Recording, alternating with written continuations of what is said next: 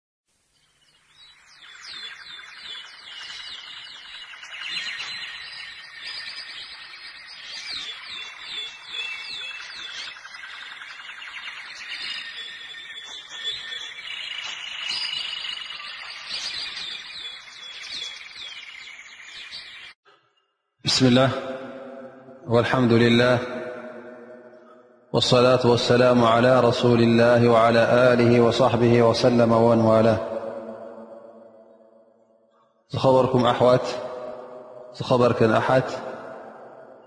السلام عليكم ورحمة الله وبركاته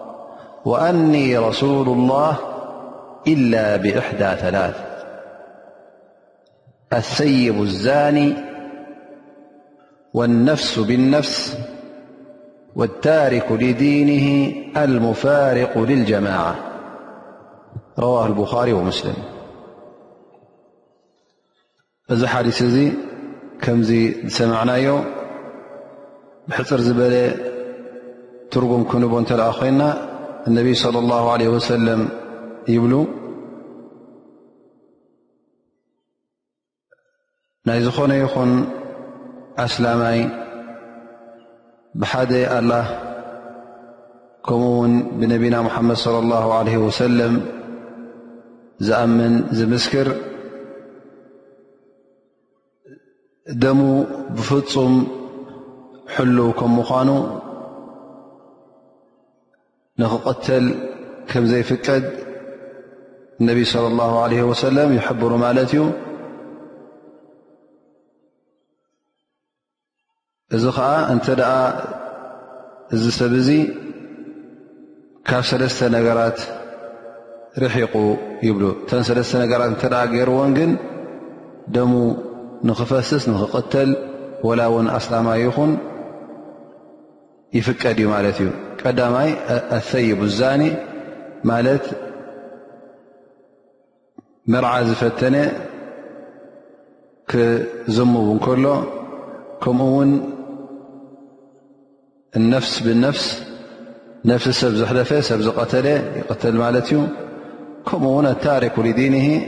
ዲኑ ገዲፉ ካብ ዲን እስልምና ዝወፅእ ካብቶም ኣስላም ተፈልዩ ዝኸይድ ወይ ከዓ ንዕኦም ዝፈሊ እዚ ወላ ውን ኣስላማ ይኹን እቲ ደሙ ንኽፈስስ ንኽቕተል ሓላል እዩ ኢሎም ነቢ ለ ላ ለ ወሰለም ትርጉም እዚ ሓዲስ እዚ ብሓፈሽኡ ከምዚ ይኸውን እዚ ሓዲስ እዚ እንሻ ላ ሕጂ ኣብቲ ዝዓበየ ተንተና ክንኣቱ ኢና እቲ ፋይዳታት ንረኽቦን እቲ ኣድላይ ነጥብታት ዝጥቀስ ኣብዚ ሓዲስ እዚ ክንጠቕሶ ኢና እንሻ ላ ተላ የቁል እብኒ ሓጀር ልሃይተሚ እዚ ሓዲስ እዚ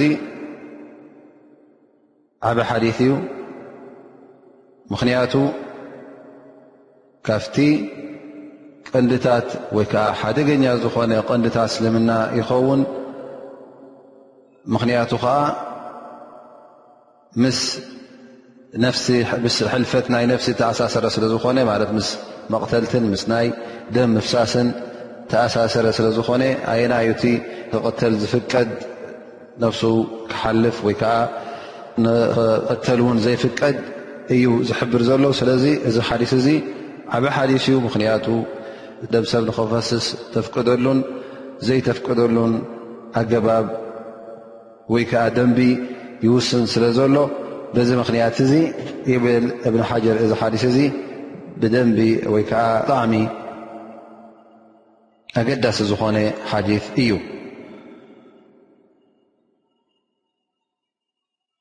እታ ቀዳመይቲ ዓባይ ነጥቢ እንወስዳ ኣብዛ ሓዲስ እዚኣ እዚ ሓዲስ እዚ ደም ኣስላማይ ብፍፁም ሕልው ከም ምኳኑ ብፍፁም ሕልው ከም ምኳኑ ኣይኣና ደም ኣልሞስሊም ማዕሱም ንኽፈስስ እዚ ሰብ እዚ ንኽቐተል ኣስላማይ ፈፂምካ ከምዘይፍቀድ እዩ ዝሕብር ዘሎ ሰብ ንኽትቀትል ድማ ደም ሰብ ንኸተፍስስ ዓብይ ዘንቢ ከም ዘለዎ እዚ ሓዲስ ጥራይ ዘይኮነ ኣብ ብዙሕ ኣሓዲ ብዙሕ ኣያታት እውን ንረኽቦ ኢና ሓደ ካብቲ ቁርን ንረኽቦ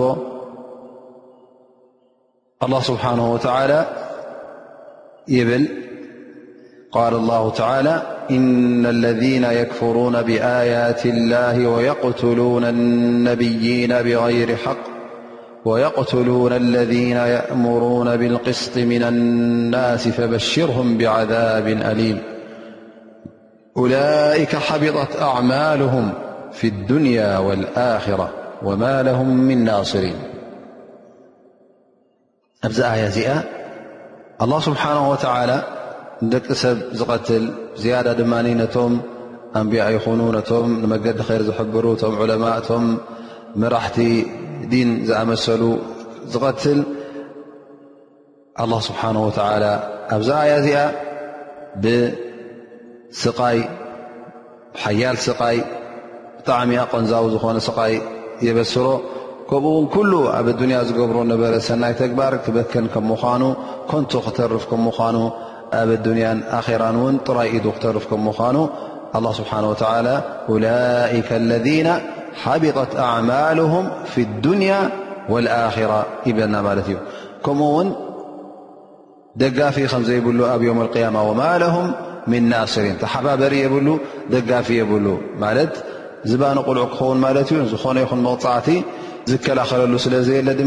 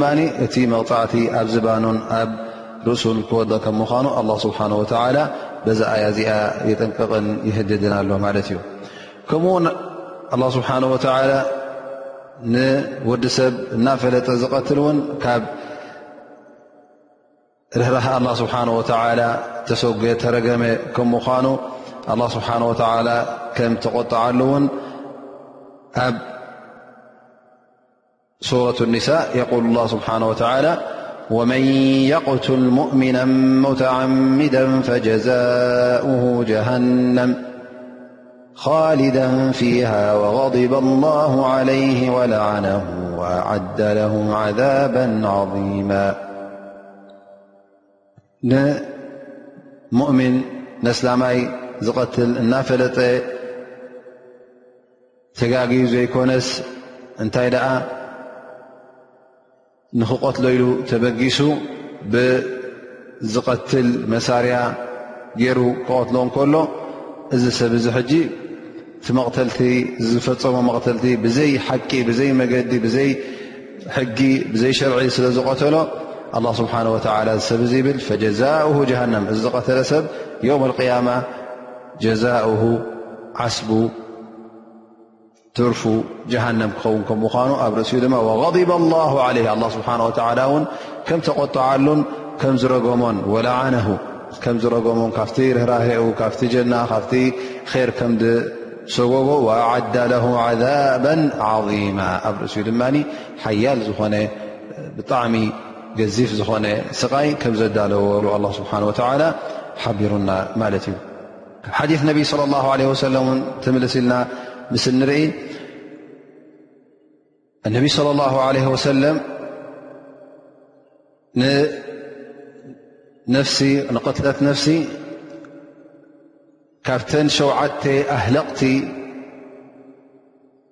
لوم النبي صلى الله عليه وسلم تغيسمن يقول النبي صلى الله عليه وسلم اجتنب السبع الموبقات قالوا يا رسول الله وما هن قال الشرك بالله والسحر وقتل النفس التي حرم الله إلا بالحق وأكل الربا وأكل مال اليتيم والتولي يوم الزحف وقذف المحسنات الغافلات إذن شعتزأن النبي صلى الله عليه وسلم صوا نت كبعة نت قلة نفس وقتل النفس التي حرم الله إلا بالحق كفتن شوعت و ጥفق زلق عب قع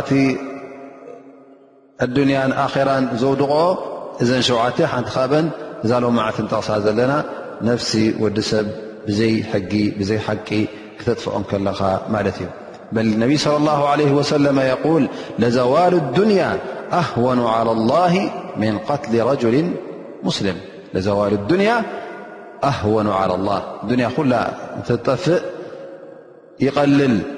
ኣብ ክንዲ ሓደ ኣስላማይ ብዘይ ሕጊ ብዘይ ገበን ብዘይ ገበሮ ጌጋ ክቕተል እንከሎ ኢሎም እነቢ صለ ላه ለ ወሰለም ይሕብሩ ማለት እዩ ወፊ ሓዲ ራ እነቢ ስ ሰለ ኣብ ካልኣ ሓዲስ እውን ናይ ካዕባ ምፍራስ ከም ዝቐልል ንወዲ ሰብ ነስላማይ ምቕታል ኢሎም ሓቢሮም ማለት እዩ እዚ ኩሉ ስለ ዝኾነ ድማ ነፍሲ እስላማይ ኩሉ ግዜ ሕል ከም ምዃኑ እዚ ሓለዋ እዚ ድማ ቀፃሊ ከም ምዃኑ ብፍፁም እዚ ሓለዋ እዚ ካብኡ ኣይለቅቕን እዩ እንተዘይ ተጋገየ ወይ ከዓ ፍሉይ ጌጋታት ኣሎ ነዚ ሓለዋ እዚ ዘርሕቀሉ ማለት እዩ ካብዚ ዕስማ እዚ ዘውፅኦ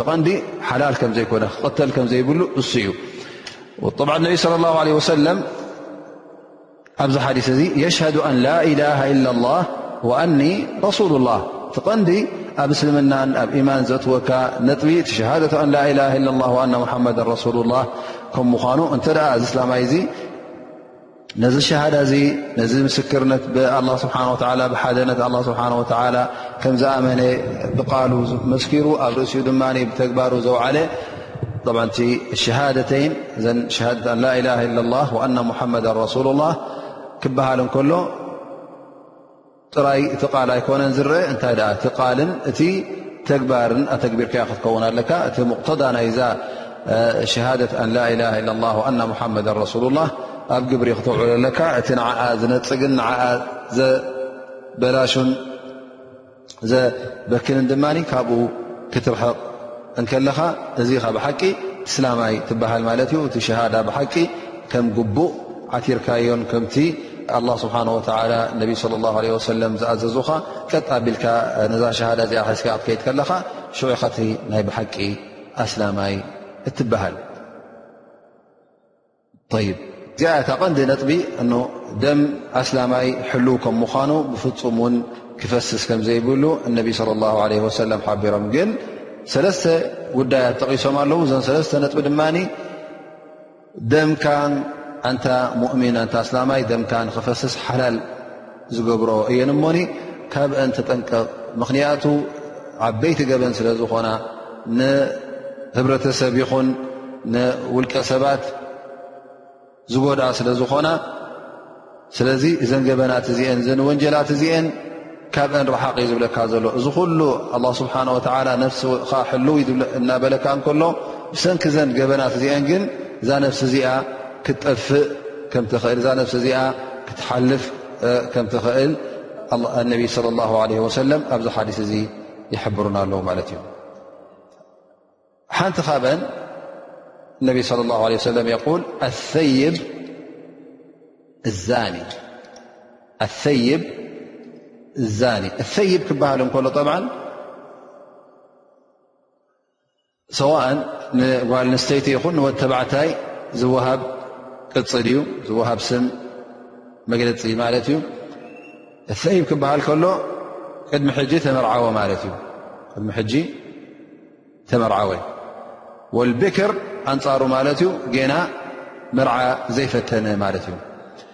ጠብዓ ሰይብ ክበሃል እንከሎ ሕጂ እቲ መርዓ ናቱ ቅድሚ ሕጂ ዝፈተነ ክበሃል እንከሎ ወይከዓ መርዓ ዝፈተነ ክበሃል እንከሎ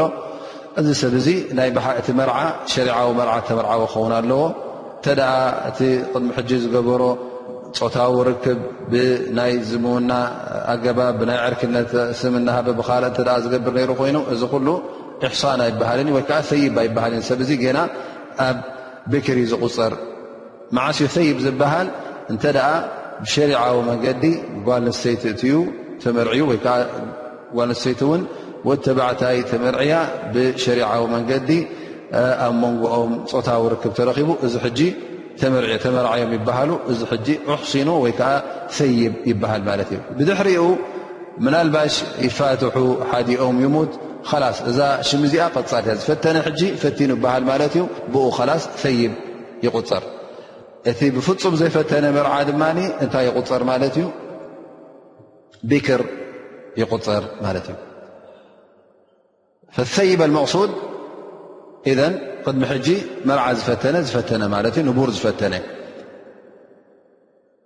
እዛኒ ብማዕና ዘማዊ ማለት እዩ እንተ ንቡር ዝፈተነ ኮይኑ ጓል ሰይቲ ኮይና ወ ተባዕታይ ኮይኑ ቅድሚ ሕጂ ንቡር ናይ መርዓ ፈቲኖም ነሮም እሞ ከዓ ኣብ ዝሙና እተ ወዲቆም ደሞም ንኸፈስስ ሓላል ይኸውን ማለት እዚ ወ ተባዕታይ ኮይኑ እዛ ጓል ሰይቲ ኮይና እቲ ሓለዋ ተዋሂባቶ ዝነበረ ተዋሂቦዎ ዝነበሩ ብሰንኪ ቲ ኢማኖም ብሰንኪ ትስልምናኦም ይቕንጠጥ ማለት እዩ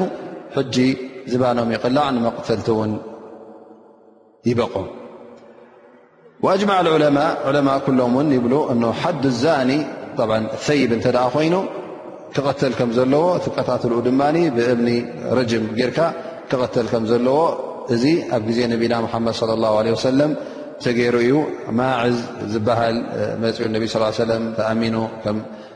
ዝዘመዎ ከምኡ ውን ቃምድያ ሓንቲ ጓል ንሰይቲ መፅያ ውን ኣብዚ ከም ዝኣመሰለ ገበን ምስ ወደቐት ባዕላ ምስ ተኣማመነት እነቢ ለ ላ ለ ወሰለም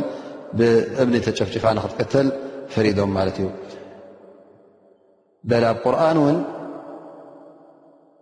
الشيخ والشيخة إذا زنيا فارجموهما ألبت نكالا من الله والله عزيز حكيم بال آية نر ن بل علماء ي ال ك حف تسر ن تسان نت أي تسرزن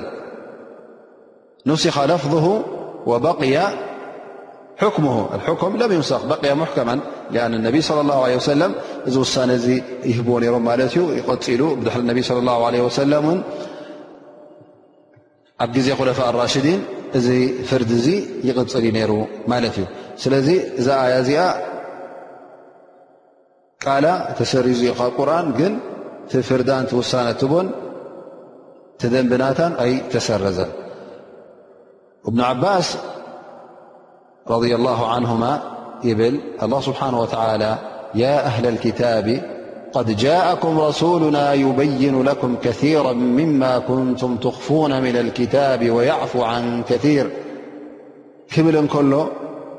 እዚ ቁርን እዚ እዚ ኣላ ስብሓን ወላ ዘውረደልና ቁርን ነቲ ኣህልልክታብ እቶም ሰብ መፅሓፍ ቶም ኣይሁዳውያን ከምኡውን ቶም ክርስትያን ዝሓብዎ ዝነበሩ ገለገለ ኣያታት ንኡ ንክገልፅ እዩ መፅኡ እዚ ቁርን እዚ ካብቲ ዝሓብዎ ዝነበሩ ድማ እንታይ እዩ ነይሩ ከምቲ ግዜ ነቢና ሓመድ ስ ሰለም ተረክበ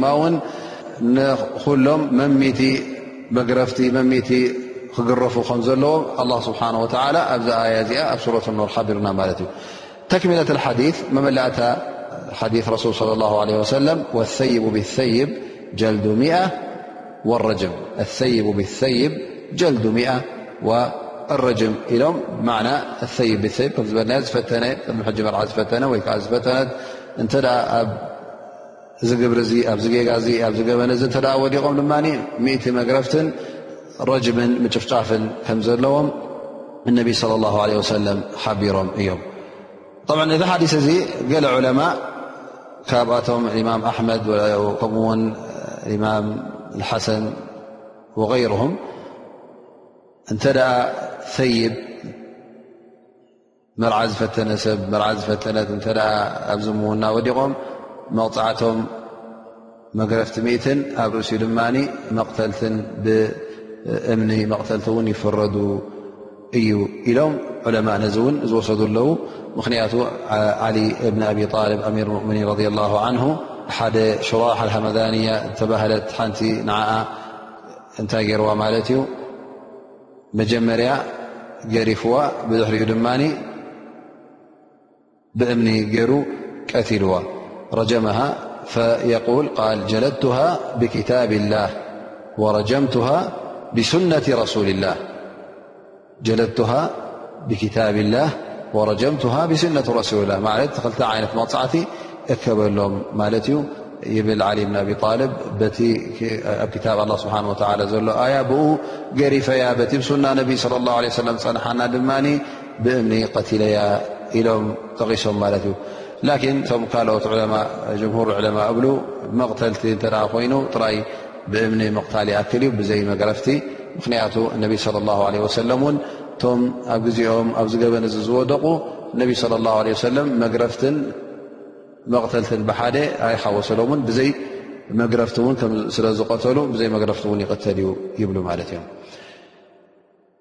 እዘን እዚ እቲ ሓደ ዓበ ገበን ዝተባህለ ማለት እዩ ጉዳይ ናይ ዝምውና ስለ ዝኾነ እዚ ዝምውና እዚ ድማ ነቲ ናይ ስድራ ቤት ሰረትን ወለዶ ዝሓዋውስን ዘበላሹን ስለ ዝኾነ ነቲ ሕብረተሰብ ድማ ዝያዳ ዘይመቅድዳው ስለ ዘእትወሉ እቲ ዝውለድ እውን ወዲ ሓላል ድ ወዲ ሓራም ዘይፍለጠሉ እንተ ኮይኑ እዚ እዚ ህብረተሰብ እዚ ብጣዕሚ ኣስጋኢ ህብረተሰብ ክኸውን ስለ ዝኽእል ኣላ ስብሓን ወተላ ጉዳይ ዝምውና ነቲ ህብረተሰብ ምእንቲ ክሕሉ ጉዳይ ዝምውና ኣላ ስብሓን ወተላ ክሳዕ ክንዲዚ ገበን ገይርዎ ማለት እዩ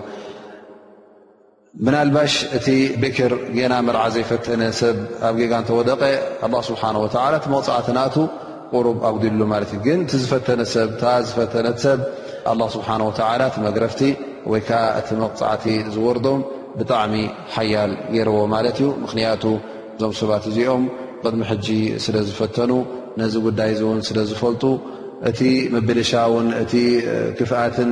ብሰንኮም ክባዛሕን ጉድኣቱ እውን ዝበርትዐን ዝሓየለን ክኸውን ስለ ዝኽእል ኣላ ስብሓን ወተዓላ እዚ ጉዳይ እዚ ብፍፁም ምእንቲ ክዕፆ እቲ መቕፃዕቲ ሓያል ገይርዎ ማለት እዩ እዘን እዚኣ እታ ሓንቲ ንደም ወዲ ኣስላማይ ሓለዋናቱ ተፍርስን ትስርዝን ተኻልይቲ ድማ ወዲ ሰብ ክቐትል እንከሎ ቀትለ ነፍስ ክገብር እንከሎን ሰብ ክቐትል እንከሎ ማለት እዩ ነቢ ስ ሰለም ቃል ወነፍሱ ብነፍስ የቁል ነብ ስ ሰለም ዑለማ ኩሎም ይብሉ ዝኾነ ይኹን ሰብ እንተ ነስላማይ እናፈለጠ ቀትልዎ እዚ ሰብ እዚ ክቐተል ኣለዎ ይብሉ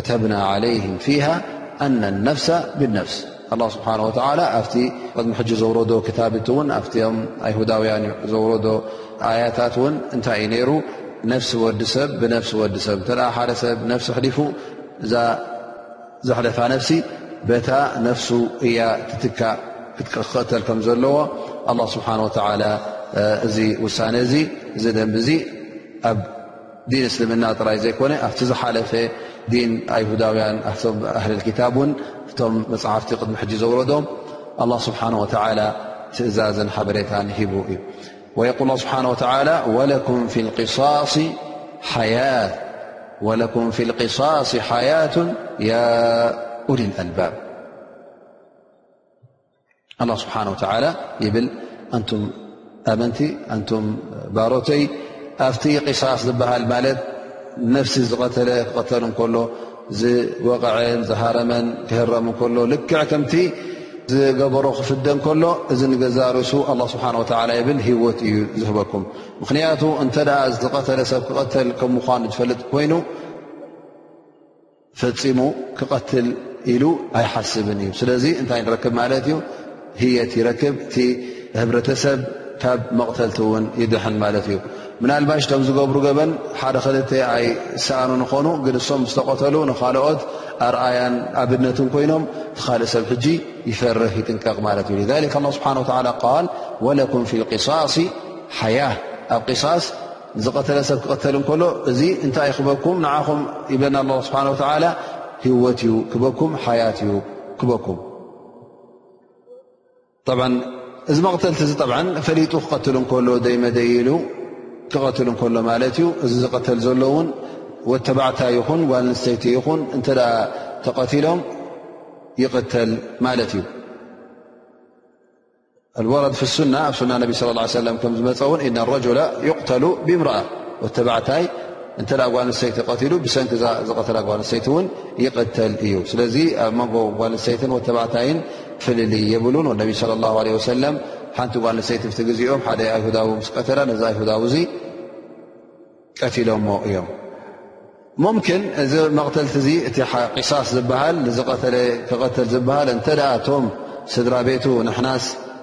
ምሒርና ኢና እተ ኢሎም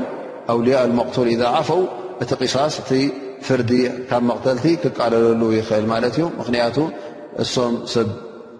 መሰል ስለ ዝኾኑ ካብቲ መሰል ናቶም እውን ስለ ተናዙል ስለ ዝገበሩ መሰሎም ባዕሎም ፈትዮም ረድኦም ስለ ዝገደፉ እዞም ሰባት እዚኦም ስለ ዝመሓሩ እቲ ክቐተል ዝፍረ ዝነበረ ካብ መቕተልቲ ፍርዲ ይወርደሉ ማለት እዩ ቀቲሎም ግን ዘይቅተሉ ድማ ኣለዉ ቀቲሎም ዘይቅተሉ እውን ኣለዉ ከም ምንታይ ወላዲ ንውላዱ እንተ ቀትሉ ይብሉ ዑለማ እዚ ወላዲ እዚ ብውላዱ ኣይቅተልን እዩ ይብሉ እዚ እቲ ጅምሁር ዕለማ ዝበልዎ እዩ መርትዖ ናቶም ድማ እዞም ሰባት እዚኦም እንታይ እዩ ቃውሉ ነቢይ صለ ላሁ ለ ወሰለም ላ ይቕተሉ ልዋሊዱ ብልወለድ ስለዚ ይብሉ እንተ ደኣ ወላዲ ንውላዱ ቀትሉ ዝኾነ ይኹን ካልእ ዓይነት ፍርዲ ይፍረድ ድኣ እምበር ብእኡ ኣይቅተልን እዩ እዚ ሓደ የውጥኡ ማለት እዩ ካልኣይ ድማ ቀቲሉ እንከሎ ዘይቅተል ድማ መን እዩ ሙስሊም እ ቀተላ ካፊረን ሙስሊም እዛ ቀተላ ካፊረን ኣስላማይ ንዘይ ኣስላማይ እተ ቀትሉ ብሰንኪ እዚ ሰብ እዚ እውን ኣይቅተልን እዩ ግን ጋር ነፍሲ ይኸፍል ማእሰርቲ ምንኩን ይእስር እዚ ተዛሪቦም ማለት እዩ ዑለማ እዛ ካን ካፍር ዘይ ኣስላማይ እካን ሓርብየን ማለት ካብ ጸላኢ እንተ ኮይኑ ኣብ መንጎኻን ኣብ መንጎኡን መንጎ ሃገሩን ኩናት ዘሎ እተ ኮይኑ እዚ ኩሎም ዕለማእ ተሰማሚዖም ማለት እዩ ነዚ ካፍር ነዚ ሰብ ተ ነዚ ክሓድ እዚ ነዚ ዘየሳማይ ተ ቀትልካዮ ብሰንኩ ኣይትቐተልን ኢኻ ምክንያቱ ኣብ መንጎ እኹም ኩናት ስለ ዘሎ እቲ ናይ መቕተልቲ እውን ኣብ መንጎ ክልተ ወገን ኩናት ነዳ ኣሎ ኮይኑ ንሱ ቀትለካ ንስኻ ክቐትሎ ስለ ዝኾንካ ኣብዚ ይብሉ ሕጂ ኩሉ ግዜ ናይ ኩናት ወድዒ ስለ ዘሎ ንናይ ምቕታል እውን ዕድል ኣሎ ማለት እዩ ስለዚ እተ እዚ ዝቐተልካዮ ካሓዲ ዝቐተልካዮ ካፍር ካብታ ትዋጋእካ ዘለ ወይከዓ ካብታ ኣብ መንጎኻን ወይከዓ ኣብ መንጎ ሃገርካን ኣብ መንጎ ምኻን ኣብ መንጎኣን ኩናት ዘሎ ክኸውን ከሎ ኩሎም ዑለማ እዚኦም ሕጂ ይብሉ ብሰንኩ ኣስላማይ ኣይቀተልን እዩ እታ ካልይቲ ኪላፍ ዘለዋ እንተ እዚ ካፍር እዚ እንተ ዝሚ ኣው ሙዓሃት ኮይኑ ማለት እዚ ካፍር እዚ ዝከሓደ እዚ ኣብ ዓዲ ኣስላም መፅኡ ክኣት ከሎ ንዓዲ ድማ ብኪዳን ብስምምዕ ብውዕል ኣትዩ ማለት ንኸይ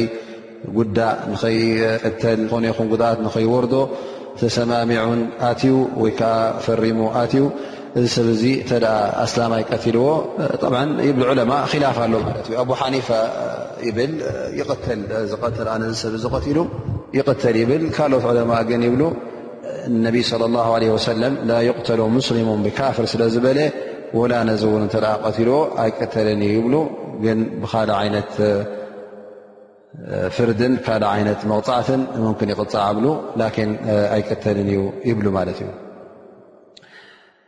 ሳልሳይ እውን ቀትሉ ዘይቅተል ይብሉ እንተ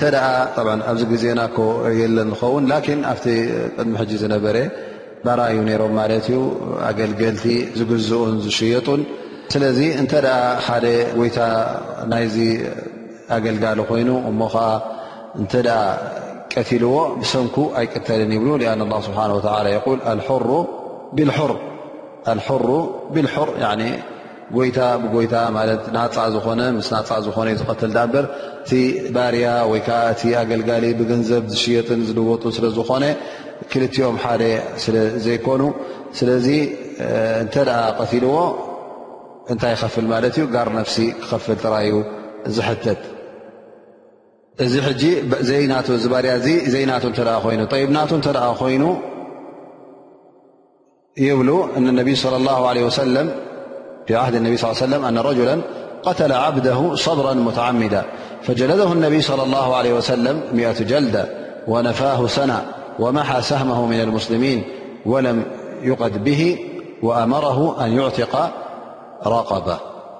ኣመረሁ ኣን ዩዕትቃ ረቀባ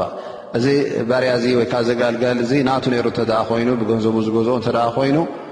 ከምዚ ነቢ ለ ላ ለ ወሰለም ዝገበርዎ ይግበር እንታይ ዮም ገሮም ነቢ ስ ሰለም ሓደ ሰብኣይ ንባርኡ ቀትልዎ ክቀትሎ ከሎ ውን ፈሊጡ ቀትልዎ ማለት እዩ ፈነቢ ለ ላ ለ ወሰለም ነዚ ሰብ እዚ ነዚ ጎይታ ናይዚ ባርያ እዚ ኣምፅኡ እንታይ ገይርዎ ሚእቲ መግረፍቲ ገሪፍዎ ንዓመት ድማ ካብ ዓዲ ሰጉግዎ ማለት እዩ ከምኡ ውን እቲ ዝመፆ ዝነበረ ሓገዝ ምስቶም ኣስላም ዝካፈሎ ዝነበረ ካብኡ ውን ንኸይወስድ ከልኪልዎ ካልእ ባርያ ውን ናፃ ንኽብል ኣዚዝዎ ማለት እዩ ግን ብሰንኩ ከምዘይቀተሎ እነቢ ስለ ላ ለ ወሰለም ኣብዚ ሓዲስ እዚ ይበርሃልና ማለት እዩ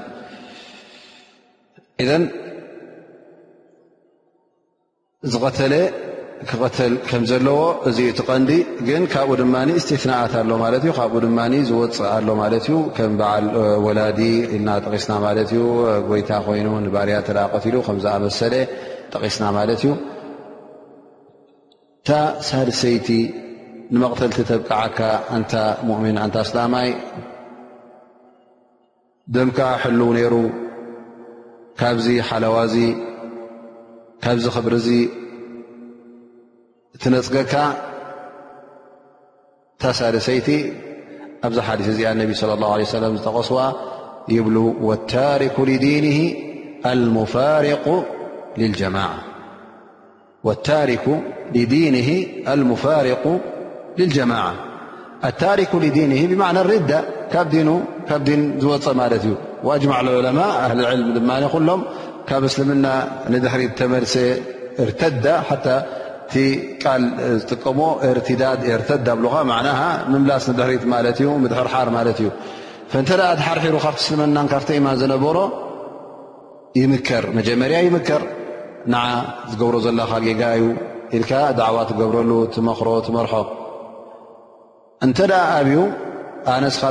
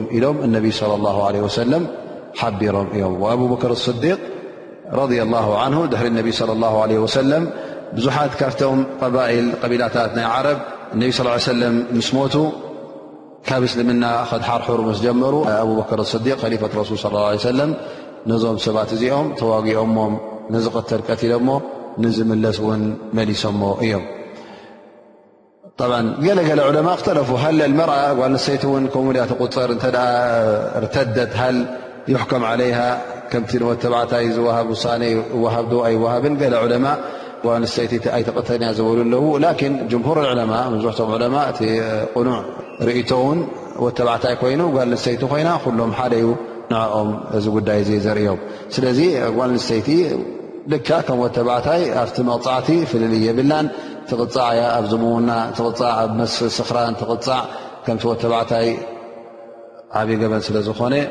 ነብሲ ወዲ ሰብ ውን ብሰንኩ ውን ክሓልፍ ከም ዝኽእል እን እታ በፅሕናዮ ዝነበርና ኣብ ናይ ጓል ንሰይቲ በፅሕና ርና መሰለና እን ኣብኣ ካብኣ ክንጅምር ኢና እሳ ድማ ገለ ዕለማ ጓል ንሰይቲ ሃል ከም ወተባዕታይ ትቁፅር ኣብ ሪዳ እተ ካብቲ ዲን ወፅያ ተቐተል ዶ ኣይተቐተልን ኢሎም ፍልል ኣሎ ማለት እዩ ላን ራእየ ጅምሁር እቶም መብዝሕቶም ዕለማ ዝበልዎ እቲ ቕኑዕ ርእቶ ድርዑ ኖ ምስ መርትዖ ዘለዎ ድማ ጓል ንሰይቲ ልክዕ ከም ወዲ ተባዕታይ ኣብቲ መቕጣዕቲ ይኹን ኣብቲ ዋጅባት ይኹን ኣልኣስል ብቐንዱ ፍልልይ የብላን ዝዘመውን ዝዘመወትን ሰረቐን ዝሰረቐትን መቕጣዕቶም ሓደ እዩ ስለዚ እዛ ሰብ እዚኣ እውን ኣብቲ ናይ ጉዳይ ናይ ሪዳ እውን ካብ ዲን እንተ ወፅኣ እተ ኣድሃርሒራ እውን ልካ ከም ወዲ ተባዕታይ ክትቅፃዕ ኣለዋ ይብሉ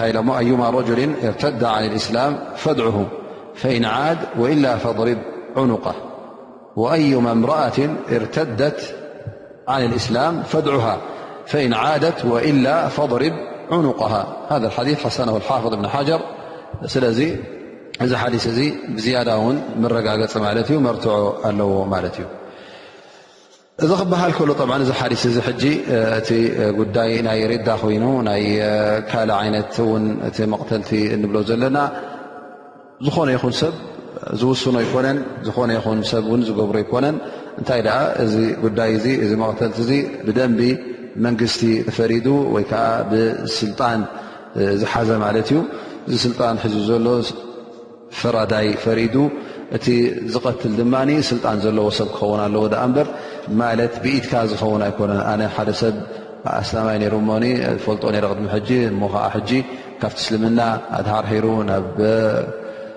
ክሕደት ተመሊሱ ኢልካ ባዕልኻ ብኢደወነነኻ ቐትሎ ይፍቀድ ማለት ኣይኮነን እንታይ ደኣ እዚ እቲ ፍርዲ እዩ ክፍረድ ከሎ ድማ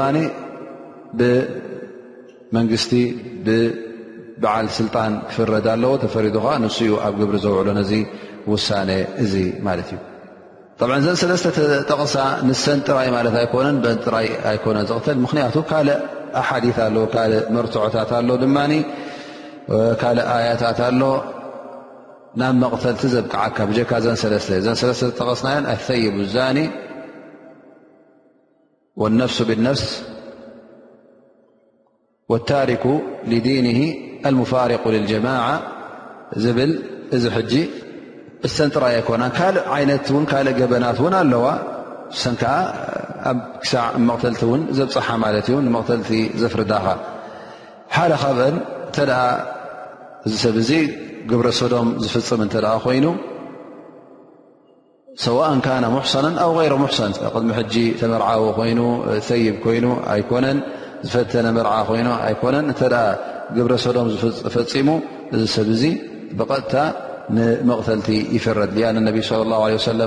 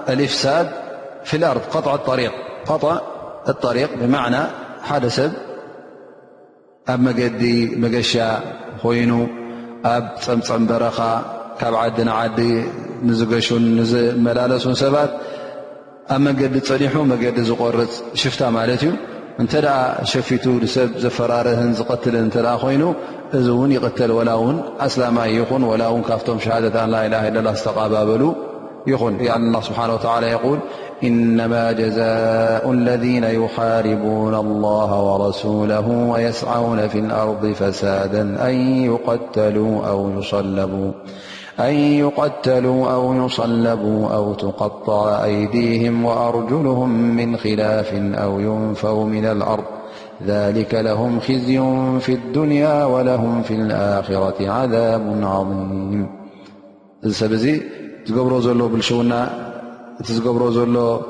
ሽበራን ዝገብሮ ዘሎ ምፍርራህን ራዕድን ነቲ ህብረተሰብ ድቃስን ቅሳነትን ኣማንን ዘስእኖ ስለ ዝኾነ ፈኣያዚ እዚ ቁርን እዚ እዛ ኣያ እዚኣ እንተ ደኣ እዞም ሰባት እዚኦም የስዓውና ፍልኣርዲ ፈሳደን ኣብ መንገዲ ፀኒሖም መገዲ ሰብ ዝቆርፁን ንሰብ ዘፈራርሁን ዝቐትሉን ገንዘብ ሰብ ዝዘምቱን ዝርፉን እንተ ኮይኖም እዞም ሰባት እዚኦም ከከም ገበኖም ዝቐተለ ይቐተል ዘፈራርሀ ድማ ወይ ኢዱ ቁረፅ ወይ እግሪ ቁረፅ ወይ እውን ኩሉ እንተ ገይሩ ድማ ኩሉ መቕፃዕቲ ኣብ ዝባኑ ይፍፀም ማለት እዩ ከምኡ ውን መቕተልቲ ዘብክዓካ እውን ቅምት ከምቲ ቅድሚ ሕጂ ዝጠቐስናዮ ገለ ዑለማ እንተ ታሪክ ሰላት ኮይኑ ሰላት ዝገደፈ እተ ኮይኑ ዑለማ ኣብሉ ገሊኦም እዚ ሰብ እዚ ታሪክ ሰላት ካፍር ስለ ዝኾነ ሙርተድ ስለ ዝቁፅር ይቕተሉ ሪደተን ይብሉ ገሊኦም ድማ ላ ይቕተሉ ሓደን ዝበሉ ኣለዉ ቅድሚ ሕጂ እውን ኣብ ሓዲ ሸሞንተ ወሲድናዮ ነርና ብዝያዳ ተንቲናዮ ነርና ከምኡ ውን እንተ ሓደ ሰብ ኣብ ማልካን ኣብ ገንዘብካን ኣብ ንብረትካን ኣብ ድራ ቤትካን እንተ መጺኡካ ከምንጥለካን ካሕድገካን ኣብ ርእሲ ስድራ ቤትካ ገበን ክፍጽም እንተ መጺኡ እስኻ ሕጂ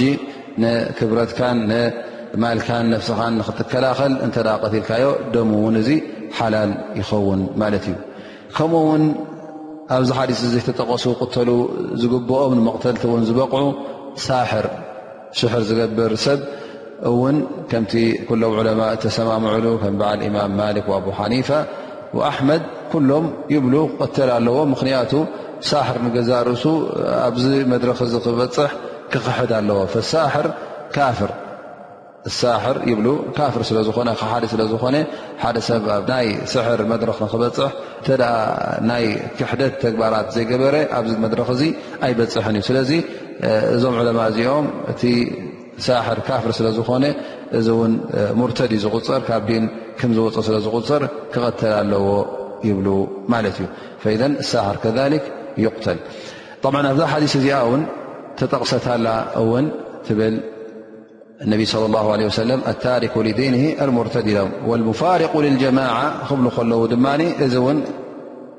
ኣብ መንጎ ኣስላም ኣትዩ ወይ ከዓ ነቲ ተኣሳሲሩ ዝነበረ ሓደ ኢድ ዝነበረ ኣስላማይ ንዑ ዝበታትን ሰብ ንዕኡ ክፈላሊ ዝመፅእ ሰብ እውን እነቢይ ለ ላ ለ ወሰለም ቀተልዎ ይብሉ ሊኣን ፈረቃ ኣልጀማዓ ካብቲ ጀማዓ እስልምና ውን ካብቶም ሓደ ኢድ ኮይኖም ነበሩ ተጀሚዖም ዝነበሩ ስለ ዝወፀ ነቢ ለ ላ ሰለም የል ሓዲ ኣክር ኣብ ካልእ ሓዲስ መን ኣታኩም ወኣምርኩም ጀሚዕ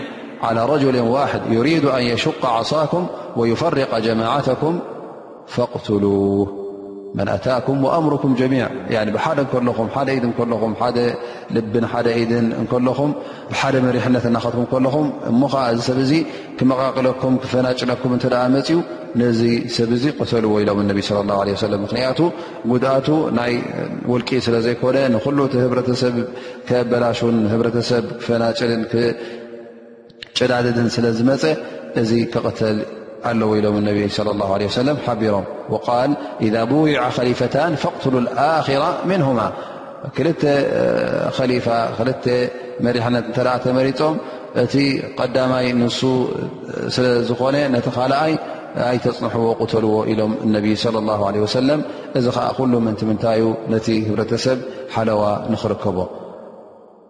ኣብ መጨረሻ ክንብሎ ንኽእል እዚ ሓዲስ እዚ ቀንዲ ካብቲ ሒዝዎ ዝመፀ ነጥብታት እንታይ ሓለዋ ነቲ ነፍሲ ወዲ ሰብ ሓለዋ ነቲ ክብሪ ናይ ወዲ ሰብ ነቲ ፅሬት ናይ ህብረተሰብ ዝሕሉ ማለት እዩ ምኽንያቱ እዚ ህብረተሰብ እዚ ካብ ዝምውናን ካብ ብልሽውናን ዝረሓቕ ክኸውን ነፍሲ እውን ሕል ንክኸውን ዝኾነ ይኹን ሰብ ክቐትለካ ምእንቲ ከይፍትን ክቐትለካ ውን ኣብ ሓሳቡ ንኸይኣቱ ኣብ ርእሲኡ ድማ እቲ ህብረተሰብ እስልምና ሓደ ኢድ ንክኸውን ኩሉ ግዜ ንክተኣሳሰር ኣ ነቢ ለ ላ ለ ወሰለም ነቲ ኣልሙፋርቅ ልልጀማዓ ነቲ ጀማዓ ነቲ ሓደ ኢድ ዝነበረ ንኡ ዝብትን ወይ ከዓ ንኡ ገዲፉ ዝኸይድ ነቲ ሙርተድ ነቲ ካብ ዲኑ ዝወፅ እውን ቅተልዎ ክብሉ ከለዉ ምእንቲ ምንታይ እዩ ዝኽሉ ምእንቲ እቲ ህብረተሰብ እስልምና እቲ ማሕበረሰብ እስልምና ሓደ ኢድ ንክኸውን ተኣሳሲሩን ተሓባቢሮን ተኸባቢሮን ክጓዓዝ ማለት እዩ ከምኡ ውን እዚ ሓዲስ እዚ ኩሉ ግዜ እቲ ህብረተሰብ ካብ ብቢ ዓይነቱ ገበናት ከባቢ ዓይነቱ ወንጀላት ንክሕለዎ ነፍስኻ ተኣምነሉ ክብረትካ ተኣምነሉ ቤተሰብካ ተኣምነሉ ኩሉ ሂወትካ ውን ብሰላም ትነብረሉ ህብረተሰብ ምእንቲ ክርከብ እዩ እዚ ሓዲስ እዚ ዝደፋፍእን ዘራርኽን ዘሎ ምኽንያቱ እዚ ዲን ናና ዲን እስልምና ዲን ውልቀ ሰብ ኣይኮነን እንታይ ደኣ ዲን ማሕበረሰብ ዲን ናይ ጀማዓ ስለ ዝኾነ እዚ ማሕበረሰብ ድማ ንኹሉ ግዜ ብስምምዕን ብሕውነትን ብሓደ ኣካልን ኮይኑ ተኣሳሲሩ ክነብር ስለ ዘለዎ እዚ ኩሉ ደንብታት ብ ቁርን ንረኽቦን ኣብ ሱና ነብን ንረኽቦን ድማ ነዚ ጉዳይ እዚ